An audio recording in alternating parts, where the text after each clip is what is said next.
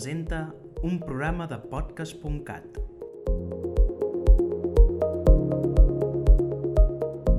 Educació sentimental. Sabia que era ella pel contorn dels malucs que es retallaven quan obria la porta. Hi havia la minsa claror de la flama de l'alcohol que cremava el plat. S'acostava sense fer soroll, m'aixecava la bànova i en un moment ja la tenia al meu costat. El seu cos era calent i tou i jo l'esperava fet una bola, consumit pel fred, i m'hi enganxava com un pop. El vent corria esfereït entre els arbres del jardí i feia un so com si es queixés. El meu quarto era a les golfes, sota un trespol de canyís per on s'hi esmunyien les rates que a l'hivern també tenien fred i sobretot gana. Els llençols eren humits i jo m'arraulia amb els genolls que m'arribaven sota la barbeta, esperant el moment màgic que la veuria contra llum. Els avis vivien en un mas als afores de la ciutat.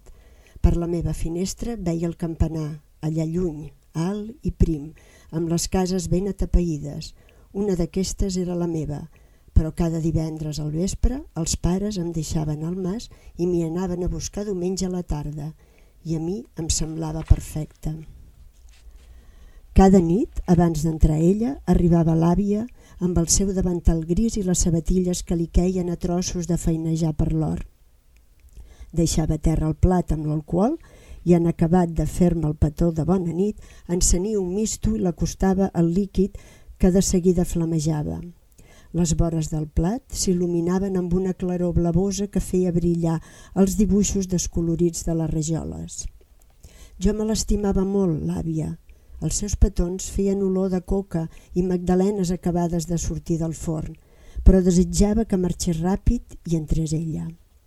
No la sentia arribar mai, com si es mogués per la casa volant com un àngel, fins que em sobtava el grinyol rovellat de les frontisses de la porta.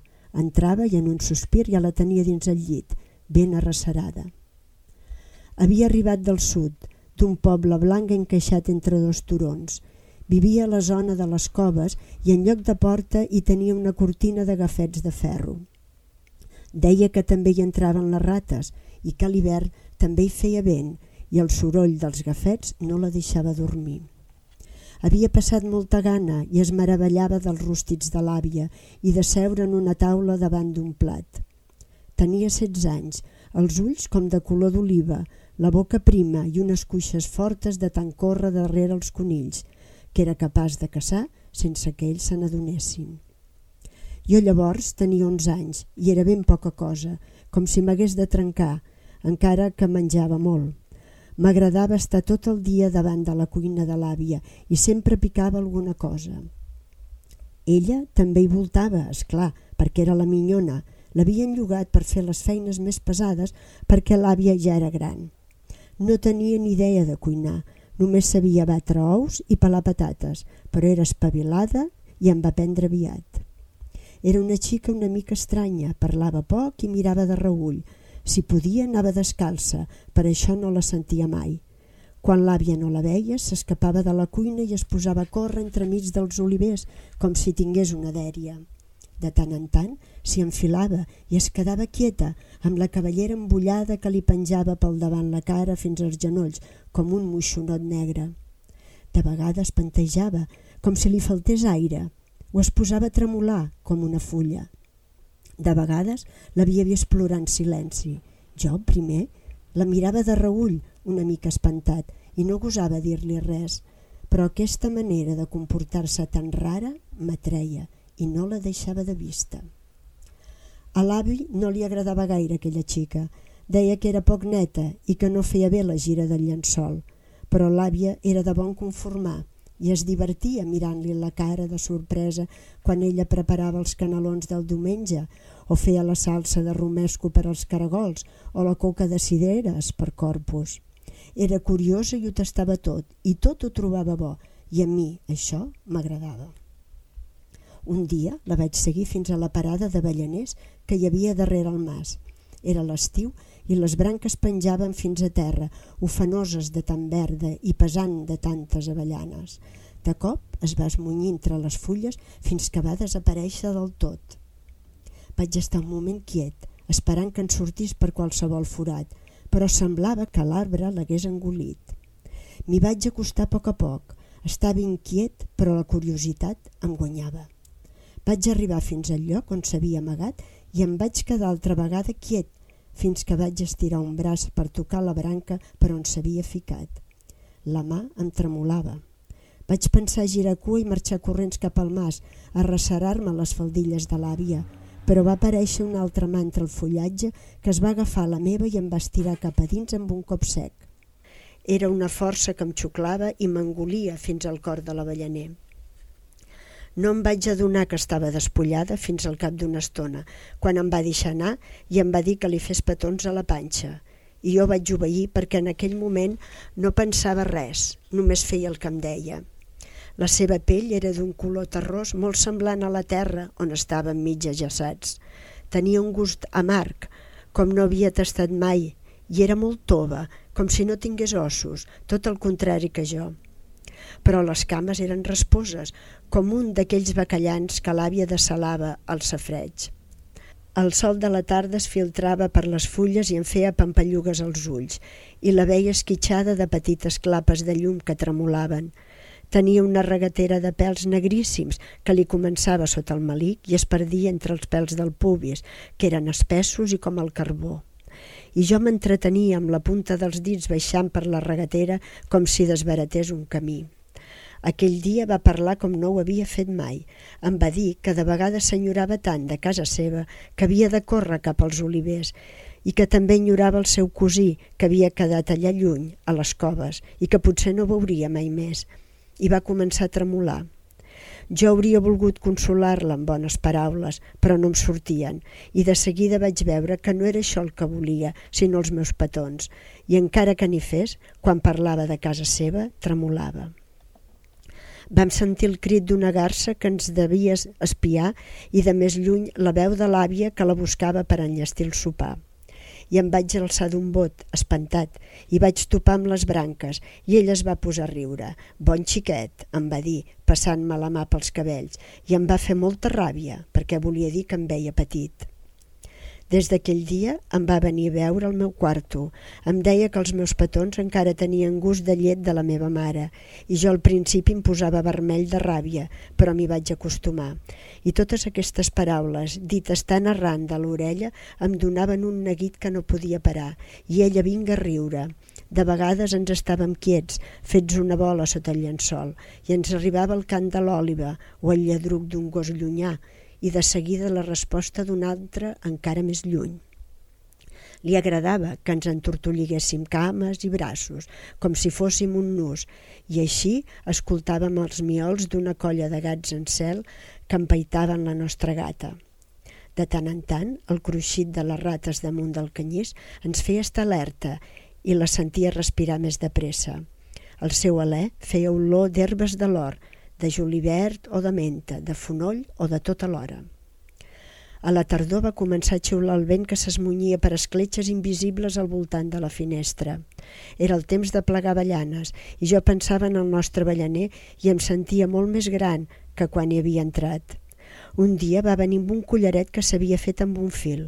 Havia tingut la paciència d'enrestar-hi amb una agulla les cúpules que cobrien les avellanes fins que estan a punt per menjar llavors s'assequen i cauen. Em va dir que eren del nostre avellaner i que jo era l'avellana i ella totes aquelles cúpules i que cadascuna era l'abraçada que em feia cada nit. Jo de moment no la vaig entendre gaire, però em va agradar que parlés d'abraçades. Les cúpules ja eren seques i punxaven, i quan em va abraçar se'm clavaven i em queixava i ella vinga a riure. Però aquell collaret no el vaig tornar a veure més. De vegades marxava molt ràpid del quarto i jo em quedava com desvalgut. La flama del plat feia estona que s'havia consumit. Tot era negre i aquella negror m'angoixava i em deia si havia fet alguna cosa malament perquè marxés tan aviat.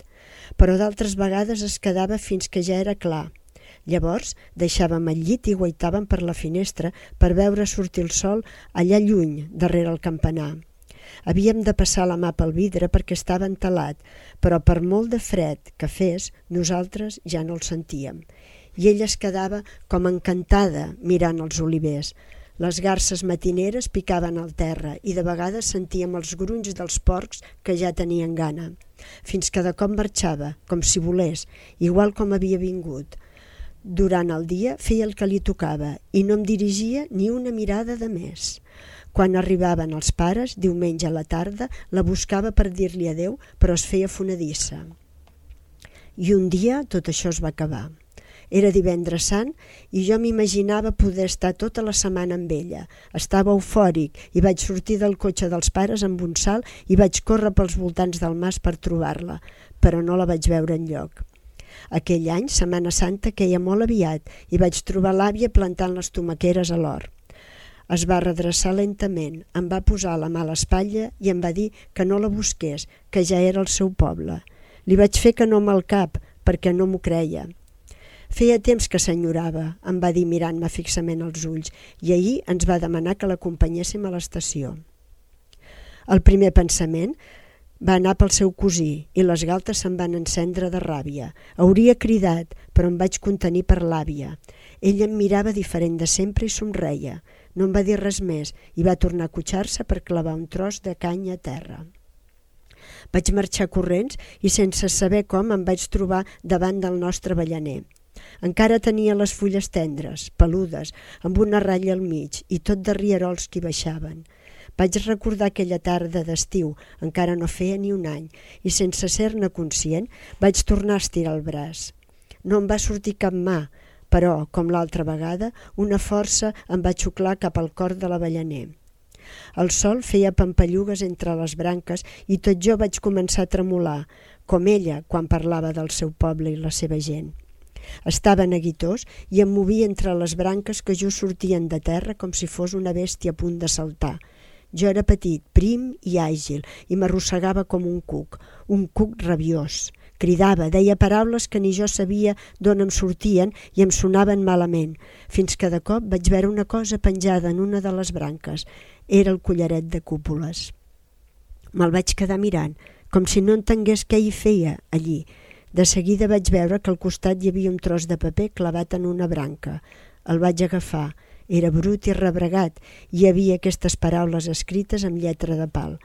Cuida les meves abraçades. Em vaig posar a plorar, allí, ajaçat al fons del món, i em sentia petit però segur, perquè tota aquella verdor de fulles amb aquell borrissol fi em protegia. Vaig posar-me el collaret i vaig esperar que el sol s'amagués del tot i tot va quedar d'un color gris desmaiat fins que ja no distingia res i vaig tornar cap al mas.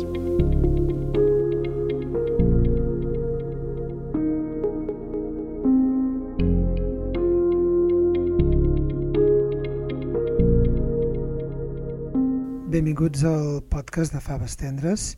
Avui som amb l'Isabel Olesti, que ens ha llegit Educació sentimental, un dels contes que conformen l'àlbum d'Amors complicats, que és un recull que va guanyar el primer Premi de Narrativa Ciutat de Reus, diré el que em fuig, que pren el nom d'un vers de Ferter. Uh, benvinguda Isabel, com estàs? Molt bé. Primer de tot, gràcies per llegir-nos aquest conte, que m'ha semblat preciós. És un conte que va encapçalat amb uns versos de Gabriel Ferreter, mm, del poema In Memoriam, que diuen així, ajagut dins d'un avellaner, al cor d'una rosa de fulles moixes i molt verdes, com pells d'eruga escorxada, allí, ajaçat a l'entrecuix del món, m'espasseïa de revolta feliç. Són uns versos que d'alguna manera són presents en aquest conte que ens has llegit. Sí, és que de fet el conte ve d'aquests versos, és a dir, el, aquests versos em donaven la història directament. Uh, jo sóc del Baix Camp, de Reus, i els meus avis vivien en un mas voltat d'avellaners. Llavors per mi l'avellaner és una cosa molt, molt viscuda i ens hi passàvem moltes estones jugant sota els avellaners. Llavors, eh, quan vaig fer aquest recull d'àlbum d'amors complicats, vaig pensar que hi havia d'haver un nen sota un avellaner i aquí va sortir això. És un llibre on parles de molts tipus d'amors, d'amors de moltes edats de la vida, i aquí ens parles d'un desvetllament a la sensualitat, no podem dir la sexualitat ben No. bé perquè no es tracta d'això, però sí que no a una certa sensualitat d'un nen eh? Sí, um, i, i que ja des del primer paràgraf ja ens parles d'un plat uh, on hi ha una flama d'alcohol, no? que, sí. que hi ha aquesta, Sí. aquesta Sí, clar, això ja, ja, foc, no? ja et porta també en una època, no? anys eh, 60, eh, els masos amb un fred terrible i la meva àvia ens posava aquests plats amb, amb alcohol i, i que això no, no escalfava absolutament res, però era molt bonic no? adormir-se amb, la, amb aquesta flama. Uh, llavors, com que està ambientat en aquest mas, uh, hi havia de sortir la flama. I no sé, no, no vaig pensar que fos una cosa simbòlica de després, la sensualitat, sinó que era una cosa que havia viscut. Clar, sí, sí. Um, bé, la, la, la, la història d'aquesta nena, d'aquesta noia que ve d'Andalusia, no? um, i que té un cosí que, que enyora, és curiós, no? que no enyora els pares, sinó que enyora un cosí, Oh, clar. que és, eh, bueno, que en, allà, en, en aquella època allà doncs, també la gent es casaven entre cosins i Sí. que podia ser un amor Sí, mm, Sí. possible per ella, no? diguéssim, aquest cosí. sí. Um, bueno, és un element secundari, eh, aquest cosí, el que passa que bueno, el nen al final és el que li fa més ràbia, no? si ell ha marxat, que ha marxat i que se n'anirà amb aquest cosí que, que ella enyora. No? Però bé, més, més que això doncs és la, la relació aquesta d'ells dos, sensual, eh, infantil i, i, i sense cap mena de, de pensar en res, sinó en descobrir, no? Sí, una cosa I, molt animal, però també eh, no detectada pels adults, és a dir, és una relació clar, clar, que està en un pla de freqüència, amb una freqüència que els adults no detecten, no? I, clar. i que té allò que També aquesta és la gràcia, no? parles Que d'ella passi... com un ésser angelical que gairebé Sí, toca que vola, de peus a sí. terra, no? I per tant, Sí, com perquè, que passa, sí. sobrevola, no? Sí, apareix i desapareix, no? Apa- Apareix aquesta mà que el xucla, que això està tret també del, del ferreter, i, i, i apareix a la nit i torna a marxar quan ell ni se n'adona, no? És aquest, aquesta mena de- d'àngel que va volant pel mas i que ell n'està fascinat. Sí, sí, sí. Quan comença el poema de Ferreter, en Ferreter té uns 14 anys, no? És quan Mm. ella comença a estrènyer el plural, no? Aquest nen és una mica més petit, té 11 anys Sí, i té una sí. relació amb una noia de 15-16, no? Sí, sí. Bueno, la idea era aquesta, un nen que sempre havia estat a les faldilles de l'àvia i cada cop eh, descobreix aquesta sensualitat amb una, amb una noia que ja sap de què van les coses, no? I, i és, és això, és educació sentimental, purament això. I bueno, he intentat descriure l'entorn. A, a mi m'agrada sempre quan escric eh, que l'entorn sigui important dintre de, del que llegeix el, la, la, el lector, no? Eh, que, el, que aquest entorn, que aquesta atmosfera ja et digui el que passarà al, al conte. I, i aquí doncs, eh, he, he volgut descriure aquest mas amb aquest fred, l'or, eh, les òlives i que si els sorolls de la nit, els mioldes del gat, eh, tot això que per mi mm, és bastant normal perquè era el que sentia, eh, ho, ho he volgut posar perquè bueno, forma part de, de l'atmosfera de, del Baix Camp i de, del paisatge de, dels avellaners. Podria ser la masia de Joan Miró, no? També. Sí, per exemple, Eh, no? sí, bueno, totes aquelles masies s'assemblen bastant, sí, Sí. molt, d'estructures molt, molt simples en general i, i molta terra i molts avellaners i ol- olivers i, i bueno, és això, el Baix Camp. I Rieres també, Sí, sí, sí. sí. Parla'ns una mica del llibre, si Sí, vols, que sí. és un llibre que crec que mm, no se li ha prestat prou atenció. A Núvol en vam fer ressenya, però ho trobareu, és una ressenya de l'Anna Carreras. Que jo sàpiga és l'única que ha sortit de ressenya. És, és una llàstima perquè és un llibre que està molt bé i que hauria Mm. d'haver tingut potser una altra repercussió. No? Sí, no sé si és perquè són contes i en general, i per desgràcia, el conte no està tan ben valorat com una novel·la. Uh, podria ser això o podria ser que jo trigo molt entre un, un llibre o un altre. Jo treballo molt el llenguatge, treballo molt cada llibre, em puc estar 8 anys, 5 anys o 10 anys entre un llibre i un altre, la millor la gent ni se'n recorda, o el crític, diem-ne, no se'n recorda, però no és el cas, perquè tots aquí ens, ens coneixem. Uh, també pot haver sigut mm, que, que el fet de ser un premi uh, menor, entre cometes, uh, d'una ciutat uh, relativament petita i que tot, de fet tot se centra en Barcelona, però bueno, doncs a Reus en van fer aquest premi i també pot ser que això hagi passat de dir doncs, bueno, que és una cosa menor i no cal donar-li d'això. Però jo és un, és un llibre que estic molt contenta perquè la gent que l'ha llegit uh, li ha agradat molt i me'n diu coses molt interessants, que és del que es tracta. He anat a clubs de lectura, he fet xerrades, això, i, i és això el que per mi compta, no? El que passa que sí que he trobat a faltar crítica, perquè sempre t'ajuda. Però no passa res, jo tiro endavant. sí. Sí, sí, hem d'escriure malgrat el que diguin. Oh, i tant, només faltaria. que no diguin, no? Només faltaria. Bé, el llibre parla de diferents tipus sí. d'amor, no? Uh... Sí, però de molts amors, però que de, de llepissades d'amor, és a dir, no aquest amor, com diu la solapa, no, no, no és l'amor romàntic ni el clàssic, sinó que de vegades només s'intueix aquest amor, no? com pot ser algú que et posa la mà al front perquè no et trobes bé, o, o una dona que, que està a la perruqueria i que el plaer que té més gran és quan la, la noia li renta el cap, uh, són aquestes llapissades d'amor que d'això em faig un conte i m'ho he passat molt bé, molt bé. Molt bé. Sí. Molt bé. Doncs uh, moltes gràcies Isabel per uh, haver-nos compartit aquest, aquest relat i, sí. i que quedi la teva veu llegint-lo. Oh, per que... mi ha sigut un plaer llegir perquè me n'adono que cada vegada m'agrada més llegir i jo faig una cosa quan escric després, quan ja ho porto bastant treballat, ho llegeixo en veu alta perquè trobo que el, el so em diu el ritme, si vaig bé o no, saps? I, i llavors m'he anat acostumant a llegir, llegir, llegir, i la veritat és que m'agrada molt. És una bona manera de, de tastar si el que has escrit sí.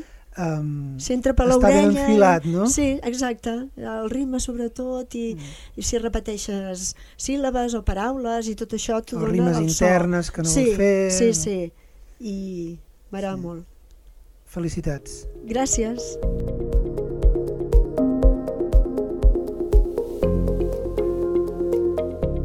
Aquest programa està disponible a podcast.cat, una plataforma de núvol.